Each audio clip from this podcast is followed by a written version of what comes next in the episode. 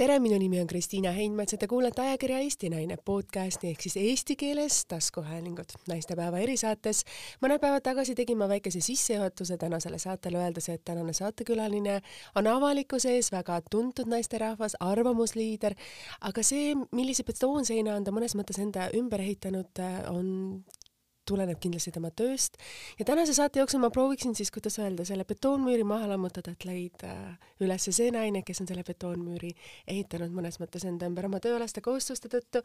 kui ma hakkasin täna saadet äh, ette valmistama ja kirjutama siis mõned laused, et mis nagu seob mind selle naisega, siis meie kokkupuuted on olnud väga põgusad, siis sellepärast ma võib-olla kirjeldaksin seda naist nende tunnetega, mis mind valdavad, kui ma kuulan tema saateid või loen tema artikleid.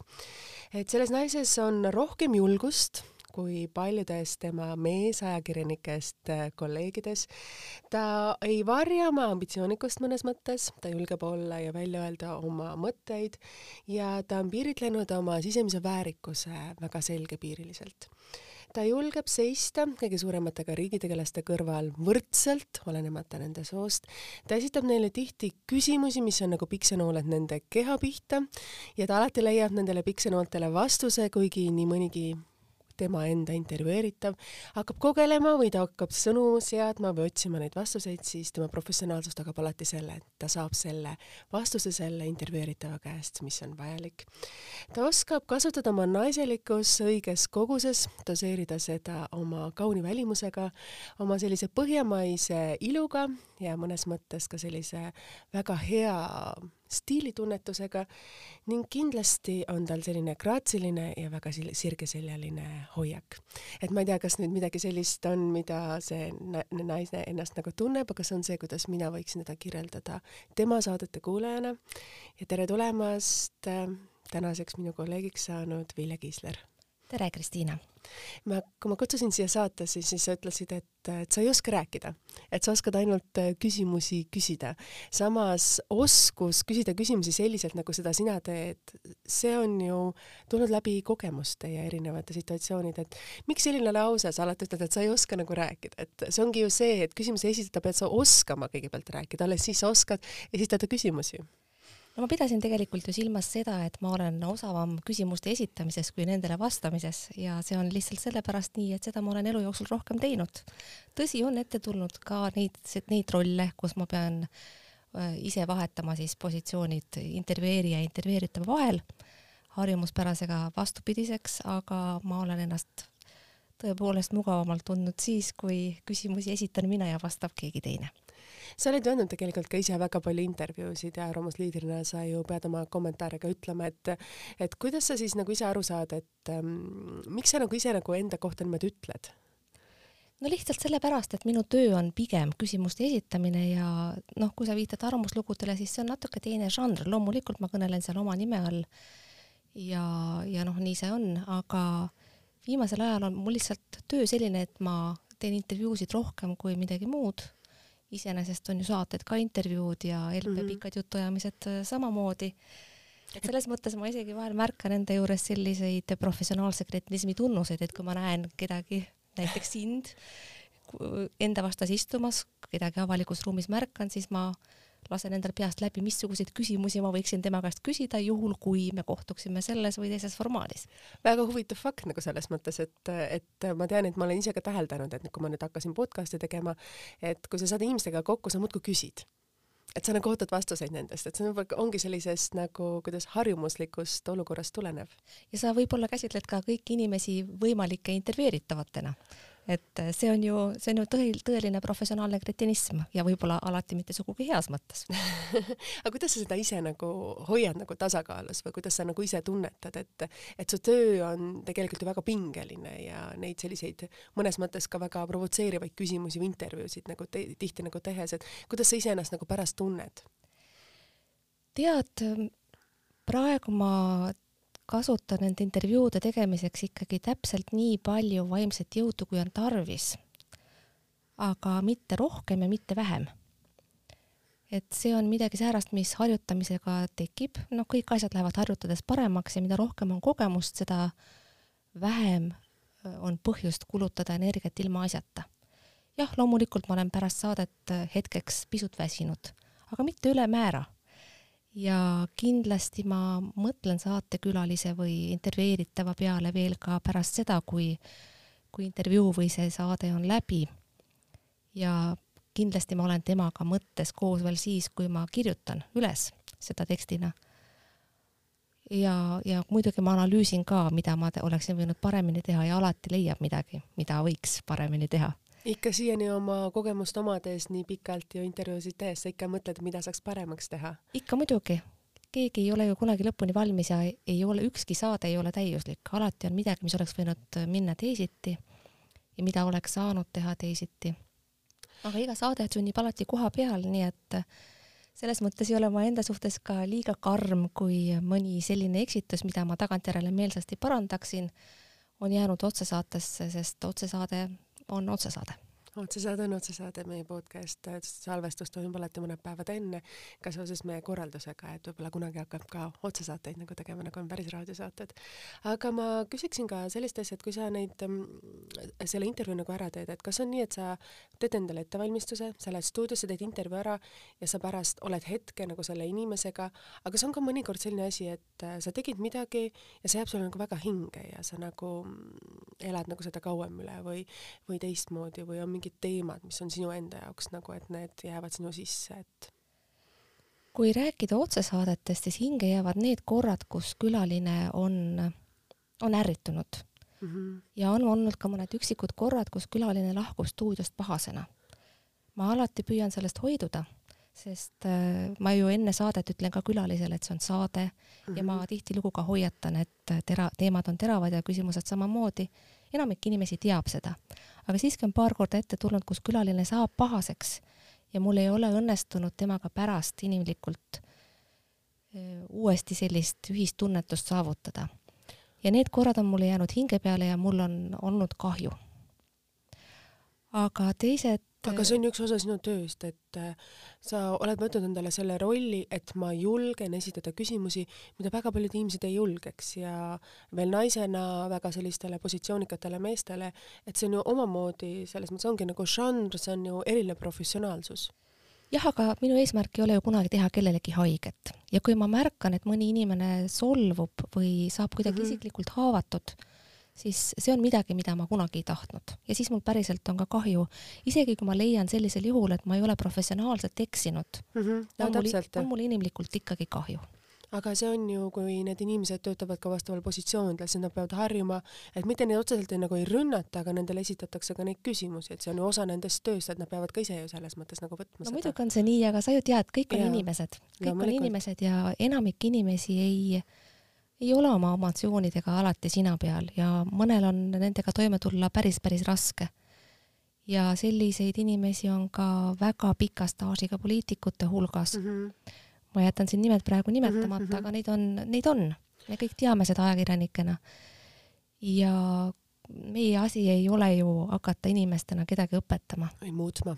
just et see ei ole nagu teie töö, aga on ka inimesi näiteks, kes teavad, on öelnud sulle, et mina ei tule enam kunagi sulle intervjuud andma, ma ei anna sulle kunagi intervjuu, kas neid inimesi on ka palju? mõni on, mõni on niimoodi öelnud, aga on hiljem ikka tulnud. ja mõni ei ole öelnud ja ei ole kunagi tulnud. ma tean ka, miks no aga ilmselgelt, äh, mis siis teha nagu, et tulebki võtta elu neid, et äh, kui ta on tema sellise otsuse teinud, siis kindlasti saab ta seda intervjuud anda kellelegi teisele ja ilmselgelt on ju neid inimesi, kes tegelikult tahaks sulle intervjuud anda kordades rohkem kui neid, keda sa tegelikult intervjueerida jõuad oma tööalaselt. intervjuu andmine või saatesse tulemine mm -hmm. ei ole kellegi jaoks mitte kunagi kohustus, see on alati vaba valik Täpselt. ja tegelikult saab iga avaliku elu tegelane kes neid kutseid saab oma ameti või positsiooni või, või mõne muu asja tõttu alati võimeli-, tal on alati võimalik valida, kas ta intervjuu annab või mitte no aga mõnes mõttes alati võimalik kasutada sellist professionaalset vastust, et ma ei kommenteeri, aga noh, ilmselgelt sinu küsimused ja sinu teemad on sellised, et nendele mitte kommentaari andes tekitab küsimusi, et miks sa saatesse tuled ju. no saatesse ei tule inimene, kes ei taha midagi öelda, ta mm -hmm. tullakse ikka siis, kui ollakse nõus küsimustele vastama kui kaua oled sa ise nagu teadlikult sellist suuna, sellist suunda nagu endas arendanud ja seda suunda nagu teinud, sest noh, ilmselgelt äh, oled sa ju lõpetanud ju Nõo keskkooli, et siia Tallinnasse sattumine ja kõik need hariduslikud asjad on olnud ju hoopis teised valikud sul tegelikult noorena mm.? sa lõpetasid ju Nõo keskkooli. lõpetasin Nõo keskkooli oled... matemaatika eriklassi. Ja sa läksid õppima ju tegelikult hoopis humanitaarvaldkonda. jah, ma lõpetasin Eesti filoloogina Tartu Ülikooli ja õppisin pärast seda mõned aastad filosoofiat, ehk siis ajakirjaniku haridust mul ei ole et ma just mõtlengi, et, et sa tegelikult tuled nii pehmes, pehme taustaga kohtadest tegelikult ja sa teed täna nagu nii ühiskonna piire mõnes mõttes kriitiliselt ja jälgivat tööd, et, et kust selline, kuidas öelda, ambitsioon või selline asi on sinus tekkinud nende aastatega. aga hakkame siis alguses pihta, et Nõo keskkool, milline oli sinu keskkooliaeg?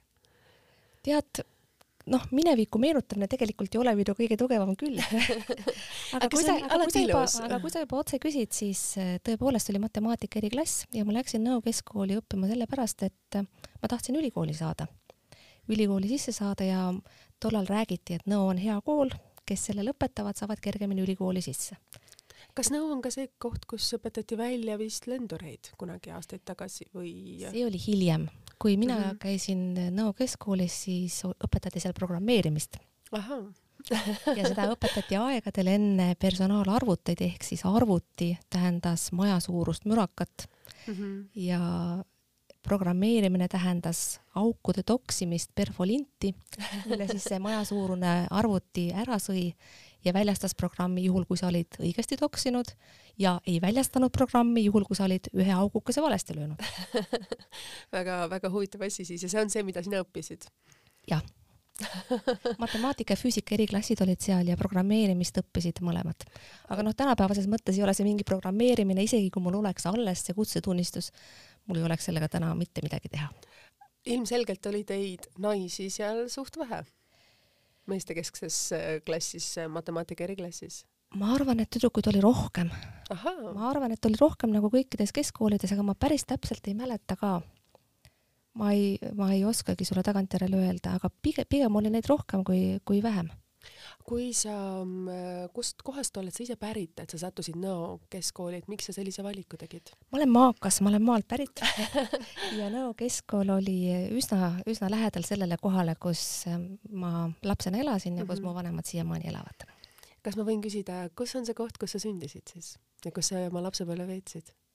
see on Valgamaal, kuigi ilmale ma olen tulnud Tartus ja see on üks väike maakoht.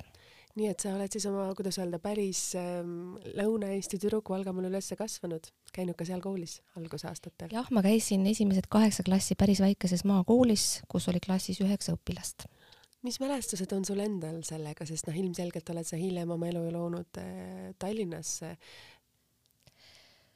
mul on kooliajast tead sellised mälestused, et ma olin tollel ajal väga korralik ja püüdsin kõike teha nii, nagu peab. tubli tüdruk. Aeg oli selline ja, ja vahel on mul tagantjärele isegi olnud kahju sellest, et et ma koolieas selline oivik olin ja hästi püüdlik. tegelikult ma olin väga püüdlik ka ülikooli lõpuni. et mis mul, mis mul tänaseni teha on nende keskkoolist saadud medalitega või ülikoolist saadud cum laudega, mitte midagi pigem ma olen oma lastele õpetanud seda, et teha tuleb seda, mis sind päriselt huvitab, mitte püüda kõiki asju hästi teha, ehk ma tegelikult püüan oma lastele edasi anda hoopis vastupidist seisukohta kui see, mille järgi ma ise koolipõlves ja, ja noorena elasin. Tegelikult see oli ju tolle ühiskonna norm, et kõik tüdrukud pidid olema korralikud, kõik tüdrukud pidid olema eeskujud, et et me oleme ka ajakirja peatoimetaja Heiditiga korduvalt ja korduvalt äh, arutanud seda teemat, et see oli tollel ajal nagu normaalsus, et ei olnudki nagu teist teed, et tüdruk pidigi olema see erakordselt tubli ja edasipüüdlik. ma arvan, et see ei kehtinud üldse ainult tüdrukute kohta, vaid see kehtis kõigi noorte kohta ja minu sünniaasta on tuhat üheksasada seitsekümmend, mhm. mis on tegelikult ju lootusetu seisakuaeg, lootusetu Brežnevi aeg, sügav Nõukogude aeg mm, -hmm. ilma lootuseta aeg. minu lapsepõlves ei, ei olnud suuri unistusi. ja kui mulle keegi oleks äh, tollel ajal kas lapsena või siis ka veel keskkoolis öelnud, et minust tuleb ajakirjanik, siis siis ma ei oleks seda uskunud või üldse tõsiselt võtnud, sest ajakirjandust selles mõttes nagu praegu ei olnud ju olemas. kindlasti ei oleks minust saanud Nõukogude ajakirjanikku ilmselt see teekond on pikk, aga läheme edasi sellest lapsepõlvest, et kas sa mäletad võib-olla mõnda sõbrannat või mõnda sündmust selline, mis on sul nagu väga meelde jäänud, mis on nagu sind, kas ma ei tea, naisena või lapsena, noore tütarlapsena väga muutnud? See tuleb nüüd ootamatult. Ei, meil on ju kõiki mingisugused hetked või mingisugused situatsioonid, kus, äh, mis jäävad meile nagu eriliselt hinge, mõni tore sündmus või mõni, mõni tore asi, et ma mäletan, et mina elasin Lasnamäel viiekordses majas viiendal korrusel imeilusa vaatega siis merele ja minu sõbranna elas siis samas trepikojas teisel korrusel ja meie lemmikmängud olid kas hambaarsti mängimine või siis teepidu. meil oli alati see, et inglise kella viie tee oli siis pidu, et noh, vaata mingi sellised asjad, mis tegelikult meid nagu noh, määravad, et näiteks ma siiamaani armastan suurt vaadet, ma siiamaani armastan merd, sest see oli mul igapäevaselt hommikut, hommikul üles ärgates oli osa minust ja ma siiamaani armastan teed juua, sest ma kuidagi lapsena mängisin, et on ju tegelikult need väiksed detailid, mida me võib-olla ei oska lapsena tähele panna, aga mis meil tulevad tagasi meie juurde, kui me saame suureks. nojah, sa räägid eeldusel, et me kõik oleme pärit oma lapsepõlvest. aga muide, mina päris viimseni seda eeldust ei jaga, ma arvan, et äh, inimene määratleb ennast elu jooksul väga mitu korda ümber, mina kindlasti, kindlasti olen seda teinud. me teeme seda kõik. ja mulle tegelikult pigem on lähedane see vaatenurk, et äh, et me loome ennast igal hetkel uuesti, et kui me iga kord jutustame oma lugu selle kaudu, mis me kunagi oleme olnud või teinud, siis me paratamatult kinnistame iseendast mingisugust arusaama, mõtlemata selle üle, kas me ikka oleme need, kes me selle kunagi kirjelduse olime. kaudu olime, jah, et et kui noh, kui sa muidugi tahad teada, siis ma võin sulle võib-olla mõni mälestus, lihtsalt ongi, et ja, et ma, ma tõin võib-olla sulle noh, kirjelduse, et võib-olla see minu assotsiatsioon ei olnud võib-olla päris see, mida ma mõtlesin, aga lihtsalt mingid teatud detailid on, et noh, mida mina endal ise nagu täna kogen hästi palju, et kui ma teen midagi, siis ma mõtlen, aga mul on mingi nostalgia sellega või, või mul on mingisugune endal nagu kogemus eelneval olemas et.... mul ei ole mineviku suhtes mingit nostalgiat. ma, ma kohe vastan su küsimusele aga ootan. ma lihtsalt vaidlustan sinu eeldused. mul on väga hea meel, et sa teed seda, et see on suurepärane. ja, et ma pigem meelsasti vaidlustan sinu eeldused ja siis ma räägin sulle mõne mõne loo vastuseks sellele küsimusele. ma kuulan hea meelega. et minu, minu elus on kindlasti olnud niimoodi, et eh, elu on läinud paremaks sedapidi, mida vanemaks ma olen saanud. lapsena ma olin pigem kurb, väga tõsine ja ka noorest peast ma olin pigem tõsine ja korralik. mulle ei õpetanud keegi, et elu võib olla tore ja elust võib rõõmu tunda ja oma valikutest võib rõõmu tunda. ja kui ma seda ütlen, siis ma ei süüdista sugugi oma vanemaid sest ma olen täiesti kindel, nemad andsid mulle kõige parema, mis nad oskasid. aga lapsed on ju tänamatud, mitte kunagi ei ole sellest, mida vanemad võivad anda eh, küllalt, ma näen seda väga hästi oma laste pealt. ja teisest küljest ähm, ikka jälle see iseenese määratlemise teema igas vanuses uuesti mm, -hmm. et ähm, kui ma iseendast mõtlen või iseendaga suhtlen, oma tunnetega suhtlen, siis ma ei mõtle mitte kunagi minevikust. ma mõtlen alati sellest, mis on praegu, sellest, mis mulle praegu on tähtis ja sellest, mida ma tahaksin, et tulevikus sünniks. võib-olla ma lihtsalt ei ole veel selles vanuses, et mäletada hästi oma lapsepõlve või selle üle mõelda, ammugi siis ennast selle kaudu määratleda aga kuna ma lubasin selle lubasin vastata ka sinu küsimusele, siis lapsena ma mäletan ennast näiteks ümber raudteejaama mängimas trifaad, kulli, ringi jooksmas. mäletan ennast koos teiste lastega raudteerööbaste vahele peitmas, sest see oli kõige parem koht olla peidus. see on ju hull julgus no,. see on täiesti vastutustundetu, aga nii see oli mängisime nende lastega koos, kes, kelle emad töötasid raudteejaamas. seda väikest puujaama seal, mille ümber me jooksime, enam muidugi ei ole, sest nii väikesi jaamu enam lihtsalt ei hoida, hoia keegi alles ja kindlasti ma mäletan ka ennast mängimas koos lastega, nende teiste lastega kodu. mul oli ka vend ja selle nendes mängudes oli alati niimoodi, et vend, kes oli ainus poiss selles mängus, pidi alati olema laps, sest mina tahtsin olla isa. et võib-olla, võib-olla selline väikene kild väga-väga armas mälestus ju. kas sul on endal siiamaani näiteks meeldib rongisõit või midagi?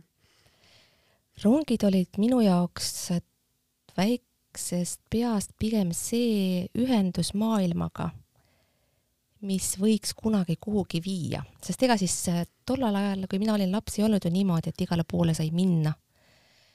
ja rongid olid need, mis kuhugi viisid.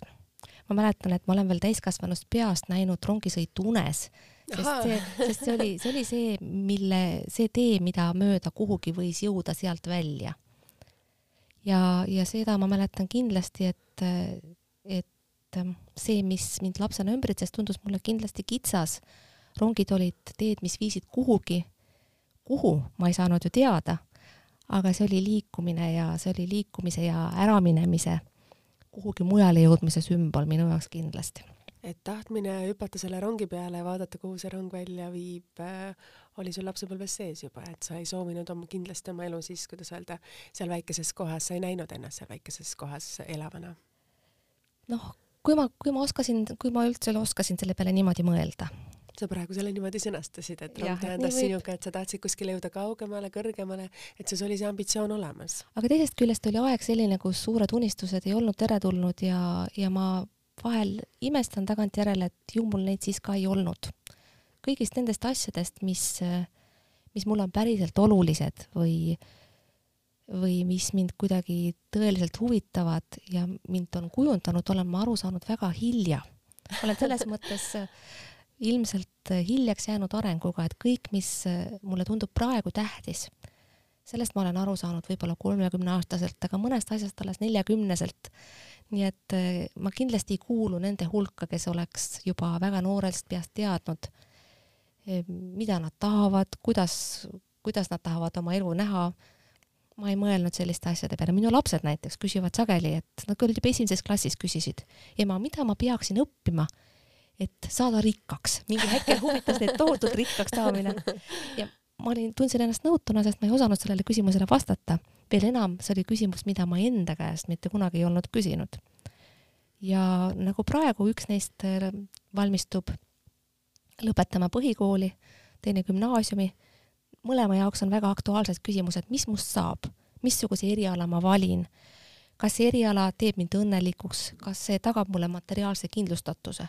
Need kõik on küsimused, mida mina ülikooli Eesti filoloogiat õppima minnes üldse ei mõelnudki, ma ei esitanud neile, neid endale üldse. ma läksin seda tegema lihtsalt sellepärast, et mulle meeldis raamatuid lugeda. tundub ju tohutult naiivne ja, ja ajast ja arust, aga see oli nii mõnes mõttes on meil siin midagi ühist, et ma arvan, et ja tunnen ise, et ma olen ka selline hilise küpsemisega olnud, et kui ma mäletan, ma olin väikene veel teismeeas, siis kui kõigil olid juba nõndanimetatud peikad või boyfriend'id, siis mina olin see alati viies ratas, kes pandi maja nurga peale, et ma pidin vaatama, et kui emad tulevad või isad tulevad kuskilt või auto sõidab kuskilt, et ma siis pidin märku andma, kui siis, kui siis teised ütleme, sõbrannad mul selliseid salakohtinguid nagu tegid. Ja samamoodi hiljem ka nii mu ülikooli valikutes kui väga paljudes teistes valikutes elus, et see, mida ma olen või kus ma olen, et äh, neid küsimusi võib-olla ongi tollel ajastul ei esitatud meile ja me ei osanud ise esitada. Ja jõuda ise sinna sisemiselt oma arenguga, et neid osata esitada võtab aega, vähemalt minul on võtnud ja nagu sa ütlesid, et et ka sinul endal, et kas ma arvan, et see on ka mõnes mõttes meie ühiskonna küpsus, et ähm, me julgeme mõelda, et mida me tegelikult tahame ja me tunnetame, et me saame ka hakkama, kui me tahame midagi, mis on utoopiline. täitsa võimalik jah, et minu meelest äh, praegused põlvkonnad on palju julgemad esitama küsimusi ja palju julgemad äh, elama oma elu säärasena, nagu nad tahavad.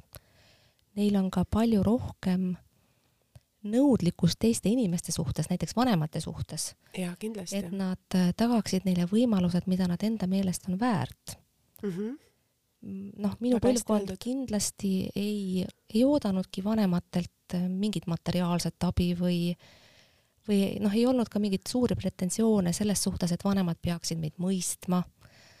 aga praegu ma näen oma laste ja nende eakaaslaste pealt, et nende nõudlikkus maailma, vanemate, kooli suhtes on väga-väga palju suurem. kahjuks ei ole see alati korrelatsioonis nõudlikkusega iseenese suhtes. aga ma arvan, et kui juba on julgust nõuda teistelt, küll siis ükskord tuleb ka vastutustundlikkus nõuda iseendalt sa lõpetasid Nõo keskkooli ja sattusid Tartusse, sa ütlesid, et sa olid hästi-hästi tubli ja korralik cum laude kõikide nende medalite ja auhindadega üliõpilane. aga mida sa veel mäletad oma selles mõttes ülikooli õpingute ajast, sest üldjuhul öeldakse, kui sa lähed Tartu, Tartusse õppima, siis see on ikkagi teistmoodi elu, et see on nagu omamoodi selline Tartu vaim või Tartu mull, kuhu sa siis satud sellise noore inimesena, mis siis peaks sind arendama ja kasvatama nii sinu iseseisvust kui seda õpingut kui kõike muud, et sa hakkad, kui hüppad nagu põhimõtteliselt tundmas, tundmatus kohas vette ja pead, pead õppima lihtsalt ujuma kõikides valdkondades. Minul oli hoopis vastupidi, et ma tundsin ennast pigem võõrana Nõo keskkoolis, sest see, millele seal keskenduti erialases mõttes, oli mulle raske. Matema-, matemaatika ja füüsika olid mulle rasked, ma ei olnud neist sugugi andekas. Tegelikult need, need tulemused, milleni ma, mis ma saavutasin no,, saavutasin ma pigem tööga ja ma arvan praegu, et oleks võinud hulga vähem vaeva näha, pigem sõpradega väljas käia. aga ülikoolis oli hoopis teisiti, ülikool mind päriselt huvitas, mis ma õppisin ja seal ma leidsin ka need sõbrad, kellest, kellega mul on siiamaani millestki rääkida. ja, ja sellised suhted, mis on jäänud elus kauem püsima. mul oli õnn õppida nendel aegadel, kus alguses veel küll oli selliseid punaseid aineid, aga nende nimed, nimede all räägiti juba päris mõistlikku juttu. ja pärast seda, kui ülikoolisüsteem muutus, tekkis võimalus ise valida neid aineid, siis mul oli ülikoolist kahju ära minna ja kahe akadeemilise puhkuse kaudu ma jõudsin kuulata äh, väga palju rohkem ainepunkte, kui oleks lõpetamiseks tarvis olnud, sest lihtsalt oli nii põnev. ja kuna see oli selline segane üleminekuaeg, siis ega keegi eriti ei vaadanud, kust sa kuulad või mida sa kuulad ja ma kasutasin neid aastaid lihtsalt väga paljude huvitavate loengute külastamiseks, mis isegi ei olnud tingimata minu erialaga seotud ja mis ei toonud ka mulle mõnikord ainepunkti, sest see oli selline segane üleminekuaeg ja, ja mul on tagantjärele hea meel, et ma nii kauaks sinna jäin. kes on võib-olla need õppejõud või need ained, mida sa ütlesid, mida sa väga tahtsid kuulata, mis ei toonud sulle ainepunkteid, aga mis huvitasid sind kõige rohkem?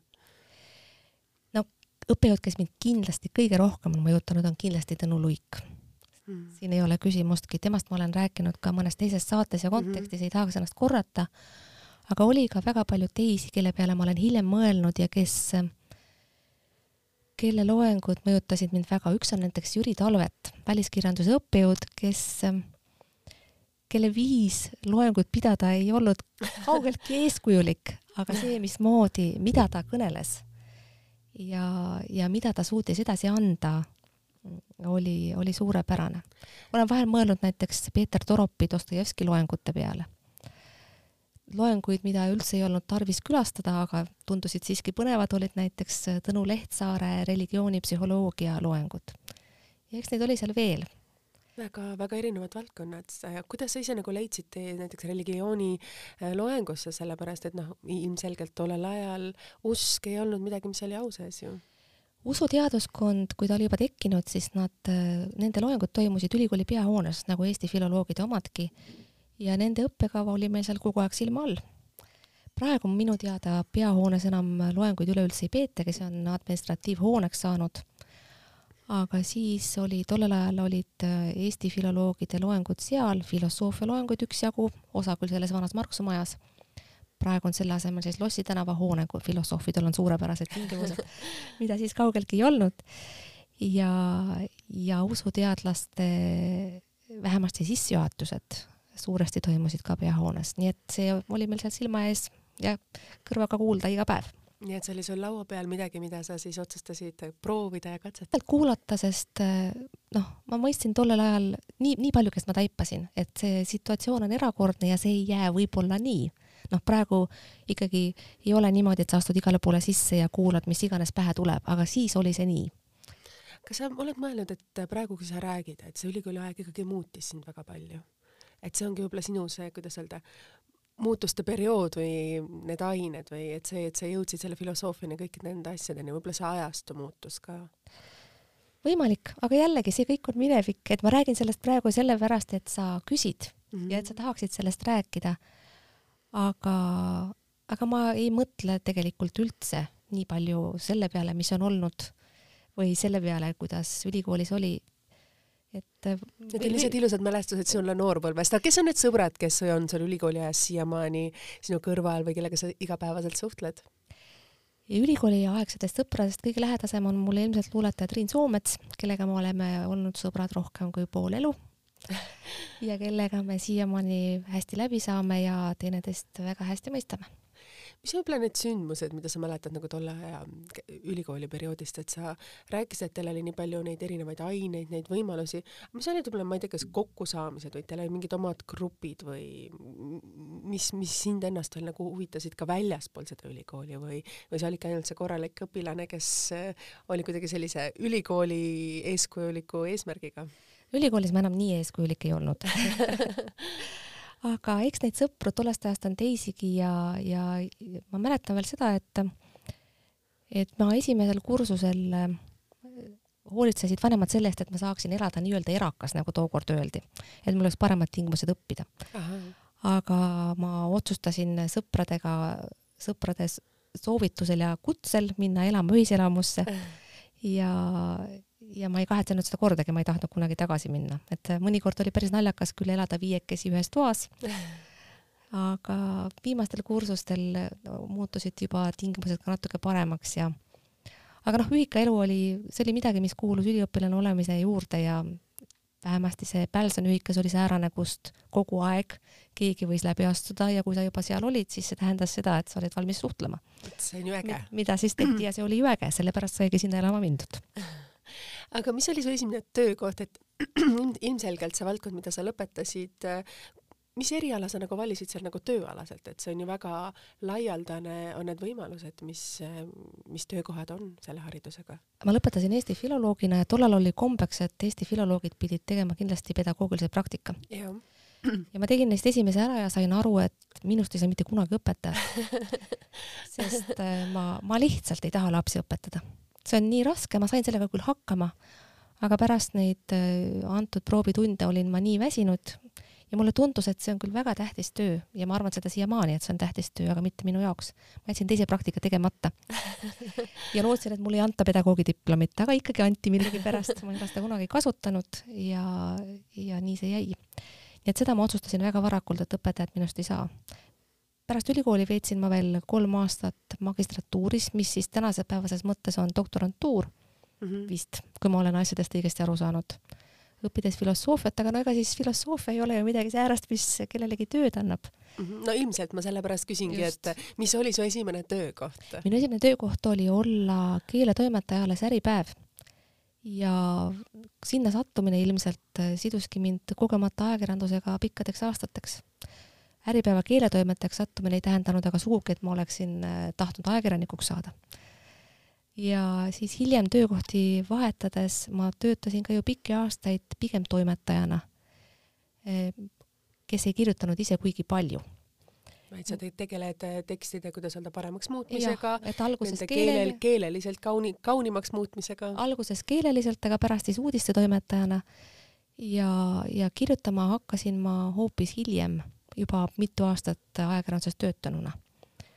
mis oli su esimesed äh, artiklid või esimesed intervjuud, mida sa tegid? ma ei mäleta. tead, mul on selline komme, et äh, kõik, mis valmis, kustutan ma kohe ära. mitte küll sellel hetkel, kui ma saadan teksti toimetajale, aga sellel hetkel, kui ta on ilmunud. mul ei ole kuskil mingit arhiivi, millest järele vaadata, missugune oli minu esimene lugu. mul ei ole kuskil äh, isegi alles ühtegi paberväljaannet kus ma oleksin oma tekste alles hoidnud. see on midagi, minu meelest on niimoodi, et mis on valmis, mis on ära ilmunud, see on, noh, see on juba minevik, ma ei mõtle selle peale. ja see on, ja ma ei, ma isegi tihtilugu ei mäleta neid ja see on mõnes mõttes ka teadlik hoiak või valik, sest äh, ei ole ju mõtet jääda kinni sellesse, mida sa oled juba teinud. mis on juba tehtud, see on valmis see on minevik ja see ei puutu teatavas mõttes enam minusse, sest äh, mul on juba hoopis muud mõtted, ma teen juba hoopis teisi asju. see on mõnes mõttes hea oskus, et äh, kas sul on midagi head või halba, kui see on praegu olnud, sa unustad ära selle, see on mõnes mõttes ju hea omadus. ma mõtlen küll, aga see on tegelikult ka teadlikult valitud otsus mitte kiinduda oma töö viljadesse. kirjutised, intervjuud, arvamusartiklid, need on ju minu töö viljad. ja, ja aga ma ei taha nendega olla seotud, mis on valmis, las, las ta olla, see on läinud, pigem tuleb mõelda sellele, mis on parasjagu pooleli või mida tahaks teha. et et sa oled ja see ennast isegi ei ole, olene niivõrd sellest, mis teised arvavad, et noh, tihtilugu ma ju saan ka oma tekstide kohta tagasisidet, kellele mm meeldib, kellele ei meeldi, küsimused olid halvad või, või oli külaline vale või noh, sellist tagasisidet ikka tuleb kogu aeg. praegu küll võib-olla natuke vähem kui mõningatel kriitilisematel aegadel, aga ikka antakse tagasisidet ja ma ei võta seda ühelgi juhul, olgu see tagasiside positiivne või negatiivne, liiga, liiga tõsiselt, sest äh, ei pea tingimata ju oma tööd tegema selle järgi, mis kellelegi meeldib või ei meeldi.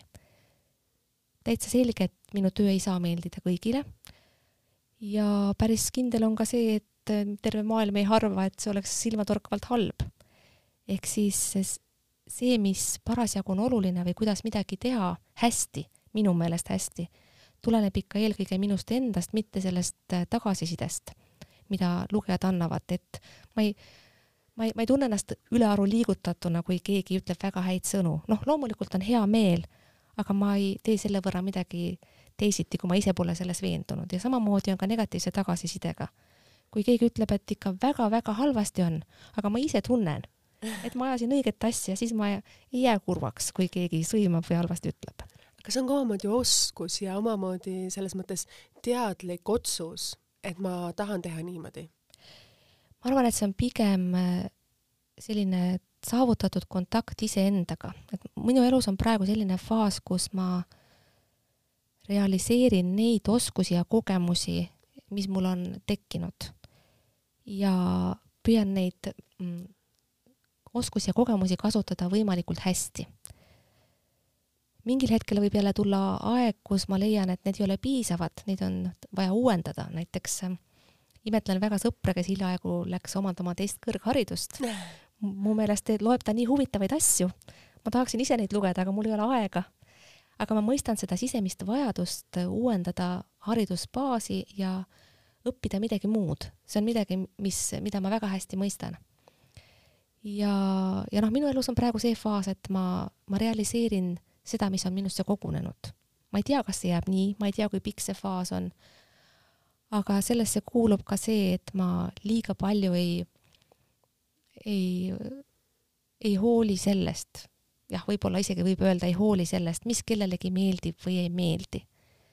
mulle palju tähtsam on lähedaste kolleegide või sõprade tagasiside, kui, kui see, kui keegi Twitteris või Facebookis ütleb, et kõik on halvasti või kõik on väga hästi. Kes on võib-olla inimesed, keda sa võib-olla kolleegidena või teiste ajakirjanikena nagu eeskujudeks pead või need ei pruugi olla ka Eestimaal või kuskilt, et sa pead ju kuskilt ka inspiratsiooni saama või sa teedki täpselt seda, mida sa ise sees tunned, et on õige?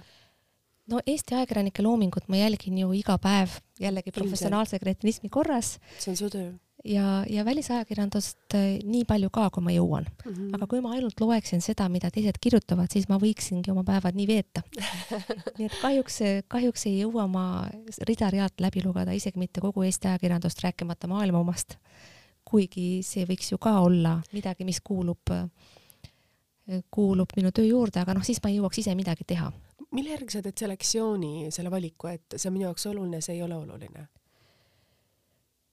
Kas sul on kindlad ajakirjanikud või kindlad, kindlad teemad, mis on, mis sa tead, et see on osa mu tööst, ma pean olema sellega kursis? Äh, ajakirjanike puhul kindlasti ma alustan kõikide tekstide lugemist alati ajakirjaniku nimest. ja mõned võib ju siis vahele jätta ja mõned, mõned, mõned ajakirjanike lood on, tuleb kõik läbi lugeda, samamoodi ka välisajakirjanduses.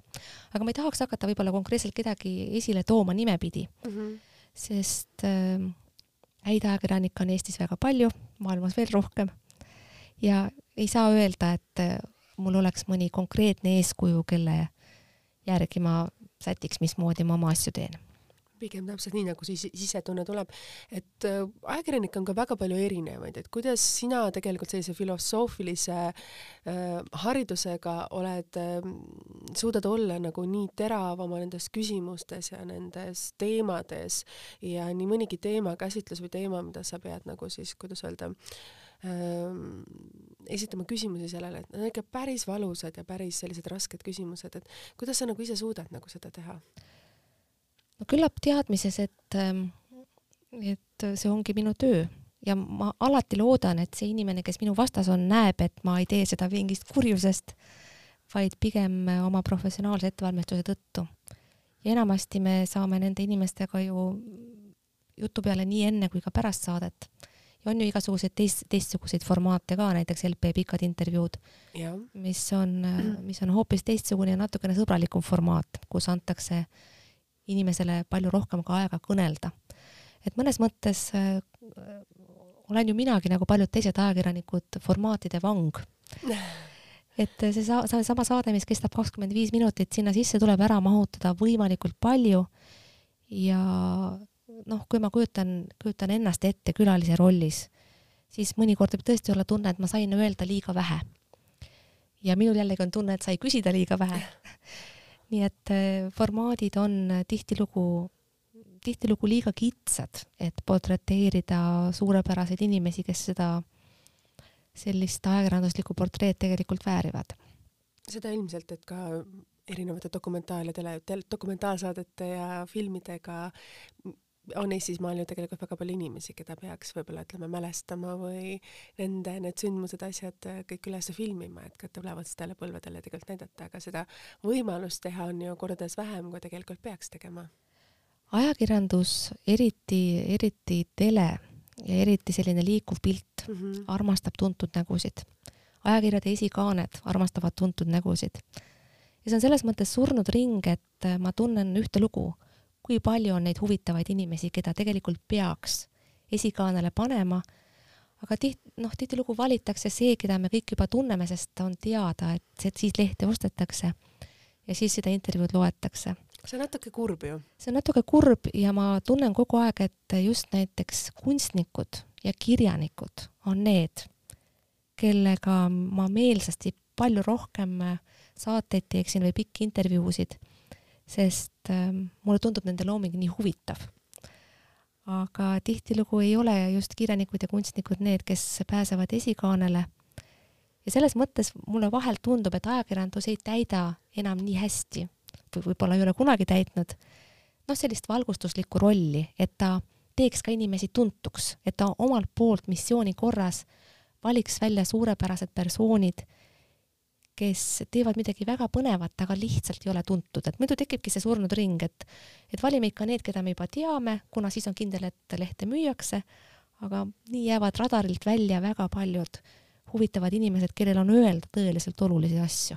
Ma olen sinuga absoluutselt nõus, et kui ma hakkasin ka seda podcast'i tegema, siis mu soov oleks kutsuda siia inimesi, kes võib-olla on natukene tuntud, mõnes mõttes nagu teatud pigem, aga see, mis nad on nagu inimese ja naisena, seda vast mitte, pigem oma nagu tööalaselt või kasvõi see, kui sa küsisid, et miks mina peaksin olema stuudios, ma ütlesin just täpselt samadel põhjustel peadki olema, et tegelikult neid küsimusi, mida sina esitad, on ju, teavad kõik. aga see, kes on nende küsimuste esitaja, seda teavad ju väga vähesed, et ilmselgelt ma arvan, sa ei ole andnud selliseid isiklikke intervjuusid, kui mit-, mis ei ole seotud sinu tööga. No ma pigem, pigem ei anna jah, sest ma ei pea ennast avaliku elu tegelaseks ja ma tingimata, ei arva tingimata, et kõik tahaksid kuulda, mis mul öelda on, peale selle, mis ma niikuinii avalikult ütlen. aga ma märkan, sa rõhutad kogu aeg seda naisena ja naisena. võib-olla ma siis äh, petan jälle sinu ootusi, kui ma ütlen, et tead, inimesed tegelikult ju ongi kas mehed või naised ja, ja ei, ei ole minul küll mingit erilist teenet selles et ma juhtumisi naisena sündisin. ma ei ole selle nimel ise pingutanud, ma ei ole seda ise eesmärgiks valinud, pole seda kuidagi saavutanud, see lihtsalt juhtus nii. ja võib-olla mõnes järgmises elus me oleme sinuga mõlemad mehed. ja ma arvan, et ja, ja võib-olla selle ja seegi ei ole kindlasti meie teene et äh, mul on kahju, kui ma selles mõttes valmistan sulle pettumuse, rääk-, kui ma ei kõnele sellest, kui uhke ma olen naisena. ma lihtsalt arvan, et äh, me kõik oleme ühest või teisest soost ma olen sinuga absoluutselt nõus, aga see saade, mida mina teen, ongi pigem see, et seda kuulavad naised ja ma teen seda naistele, sedapärast ma kasutan võib-olla mitte sõna inimene, nagu sina pead oma tööalaselt kasutama, sest sa pead olema, kuidas öelda siis, sooneutraalne. ei pea üldse olema ja... sooneutraalne, ma arvan, et inimesed jagunevadki meesteks ja naisteks see on täitsa okei okay seda öelda. Aga lihtsalt äh, tahtsin rõhutada, et minul ei ole naiseks olemise puhul küll mingeid erilisi teeneid ette tuua. ja see on, miks mina tahan seda saadet teha ja võib-olla rääkida nendel tavalistel lihtsatel teemadel, võib-olla mida meie naistena meeste, meestega ei taha rääkida, et mida me ainult nagu naistena omavahel räägime, needsama kella viie teed sõbrannaga, et see oleks midagi samamoodi lihtsat ja võib-olla natukene teistmoodi. täitsa arusaadav. aga kui sa ütlesid, et sa ei taha eh, rõhutada, et sa oled naine, aga sa oled ikkagi ka ema, milline ema sa oled, et sa juba põgusalt rääkisid, et eh, sul on põhikooli ja keskkooli lõpetavad kaks tütart, sul on, äh, sa oled kahe tütre ema ma, no seda peaksid minu laste käest küsima, aga nad arvatavasti ei, ei taha sellest rääkida või võib-olla räägiksid hoopis midagi muud, kui mina praegu ütlen. ma ilmselt olen väga lapse, liberaalne lapsevanem. mu tütred on äh, viieteistkümneaastane ja nüüd siis üheksateistkümneaastane, äsja saanud üheksateistkümneaastaseks. ja ma ikkagi käsitlen neid teiste inimestena, lapsed on mind väga palju õpetanud, sest eh, lapsed on ju tegelikult üks lähemaid suhteid ja lähem, kõige lähemad suhted, isegi siis, kui nad on eh, mõnikord valusad, õpetavad kõige rohkem ja mida sa oled ise lastelt õppinud, et ilmselgelt, kui me saame emaks, siis on meile mõnes mõttes šokk, et me ei kujuta kindlasti emadust ette, et see nüüd ongi kakskümmend neli seitse nii suur osa sinust ja siis need lapsed on olemas ja sa pead selle kõigega hakkama saama, et äh, tead, ma arvan, ma vahel ütlen, et kui inimesed teaksid, mida lapse saamine päriselt tähendab, nad ei paljuneks. Nad ei teeks seda. see on ikkagi nii raske. Ja ma ei pea silmas mitte seda äh, raset, rase olemist või sünnitamist, vaid pigem ikkagi kõiki neid probleeme, mida hiljem koos lastega tuleb lahendada. minul on lapsed kindlasti õpetanud iseenda emotsioonidega suhtlemist. sest lapsed on mõnes mõttes nagu, nagu peegel. ema on ju neile mingis vanuses isik, samamoodi ka isa, kes peab lahendama kõiki probleeme. lapsevanemad on ju kõikvõimsad, nende käest võib nõuda ükskõik mida ja, ja päris lõpuni võib-olla ei kao see suhtumine ära seni, kuni vanematega koos elatakse. ja selles mõttes. kui hea probleemide lahendaja sa oled? Mina ikkagi arvan, et igaüks peab ise oma probleemid lahendama, aga kuidas sa suudad seda koordineerida nendele lastele ja ega nendele mõista et suudagi. see ei ole minu teema. ega ei, ega ei suudagi, ma kukun lapsevanemana ikka veel iga päev uuesti läbi, ikka ma teen midagi valesti. ei ole kumlaudet ikka, selles ametis ei anta kunagi medaleid ja jumal tänatud, ma arvan, see on ka õiglane et ma ikka kukun kogu aeg läbi ja tihtilugu palun ka vabandust, et ma ei suutnud vastata oma laste ootusele. ja ja ma olen tegelikult lastele tänulik selle eest, et nad õpet-, on mind õpetanud olema kannatlik. minu põhiline iseloomuomadus on kannatamatus, kõike kohe praegu, olgu valmis, olgu olla, aga noh, mitte kunagi ei ole nii, lastega mitte kunagi. ja, ja selline minu kannatamatus teiste inimeste suhtes on lapsi, lastega koos elades oluliselt leevenenud mis valdkonnas see kannatamatus äh, siis väljendub sulle, et sa ütlesid, et lapsed on nagu õpetanud mul olema nagu tasakaalukam ja rahulikum siis?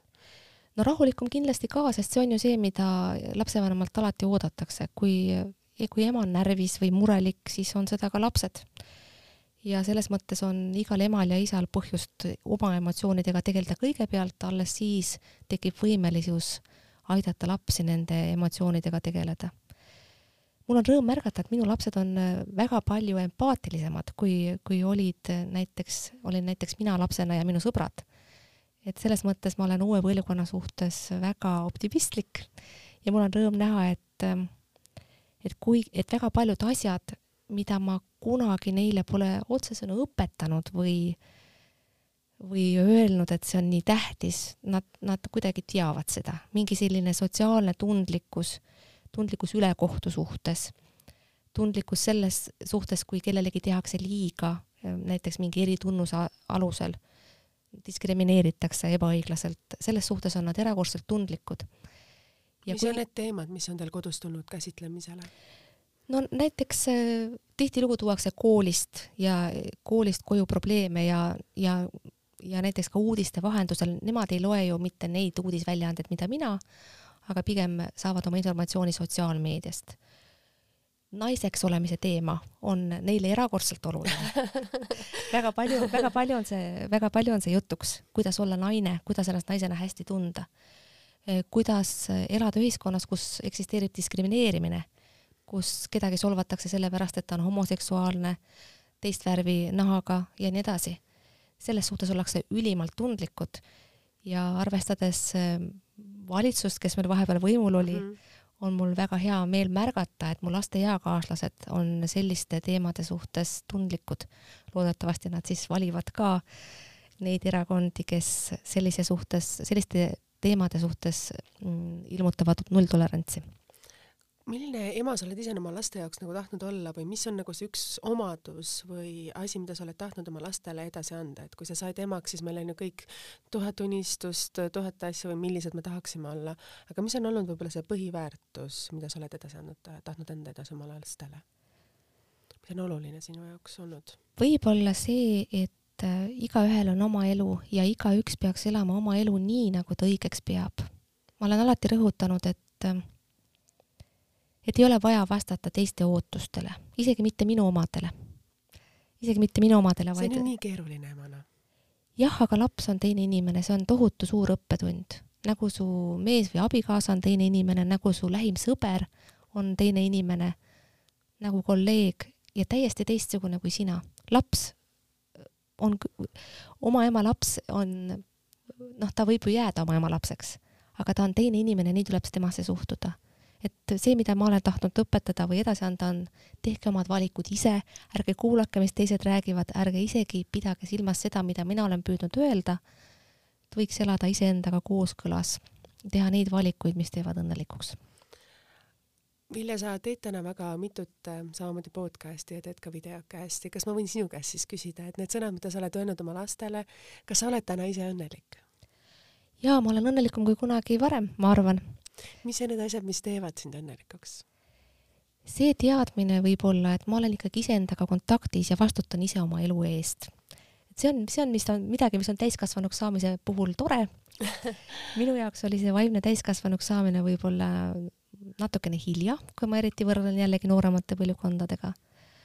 aga õnnelikkus on minu meelest otsus, see ei ole midagi, mis sulle kuskilt väljastpoolt antakse õnn on see, kui sa võid ise teha oma valikuid ja nende eest vastutada. ma olen märganud, et inimesed on kõige õnnelikumad siis, kui neil on parasjagu mingisugune raske probleem käsil ja nad saavad ise seda lahendada. ja noh, väga suurepärane on siis lahendada see ka päriselt ära. see on see, mis inimestele tõelist rahulolu pakub ja mulle ka et olla iseenda peremees, olla ise oma asjade eest vastutada iga detaili eest, mida sa ette võtad ja iga süsteem või asi, mida sa uuesti valid või on sinu enda sisemusest tulenev just, nii võiks seda kokku võtta.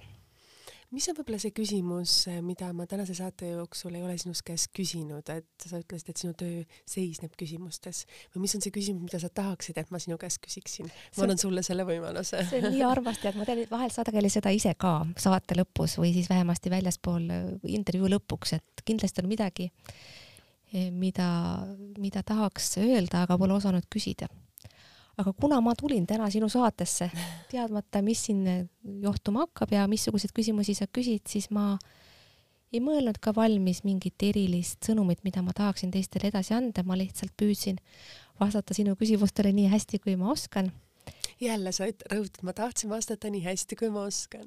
Küsimustele vastamine ei, ei, ei ole jah, see minu tugevam külg, aga ma, aga ma proovisin vähemasti aga see, Vilja, aitäh sulle, et sa tulid tänasesse saatesse, ma peaksin võtma lõpusõnad selle saatega kokku, aga kuna ma tean, et sa teed ise samamoodi podcast'e, videocaste ja kindlasti sinu professionaalsus on kordades suurem kui on minu oma, mina alles teen esimesi samme sinna suunas, nii et võib-olla ma teeksin täna sellise erandi, et mina ei ütle täna lõpusõnu. mida tahaksid sina öelda kuulajana või mis on midagi, mis jäi sul kõlama sellest saatest, et ma annaksin need lõpusõnad siis sulle no vaat kus nüüd Kristiina, ma tahaksin öelda seda, et väga tore, et sa kutsusid. aitäh, et mul oli võimalus sinuga lähemalt tuttavaks saada ja sinuga rääkida niimoodi, et ka teised seda jutuajamist võivad kuulda. ja mul on hea meel, et sa neid saateid teed. ma arvan, et äh, ma vaatasin, et nende kuulajanumbrid on päris head, ma loodan, et sul on tänulik publik ja minu meelest teed sa oma tööd väga hästi. nii et äh, ma ei püüa kuidagi seda saadet hakata teistmoodi lõpetama kui ainult tänusõnadega. aitäh, Kristiina! teeme siis niimoodi, et aitäh nende ilusate sõnade eest, Vilja, ma ei oodanud seda, ma pigem lootsin, et sa ütled mingisuguse ilusa või kena lause, milles sa oled nii professionaalne. aga lõpetame siis seekord sellise väikese tänulikkusega minu poolt ka sinule kindlasti, et äh, ilmselgelt tulla ja natuke oma hinge avada ei ole just lihtne. Nii mõnigi külaline, kes on öelnud, keda ma olen siia kutsunud, on öelnud, et, et ma ei soovi, et ma kardan, aga see, see sõna, et ma kardan, kindlasti iseloomusta sind, vaid ikkagi see välja peetud naiselikkus, välja peetud, ma tean, et sa ei taha, et ma seda ka mainiksin, pigem see no oskus olla väärikas on see, mis sinust nagu igas sinu sõnas, igas sinu olekus sinust õhkub, nii et aitäh sulle, et sa tulid. aitäh ja aitäh kuulamast. kõike head.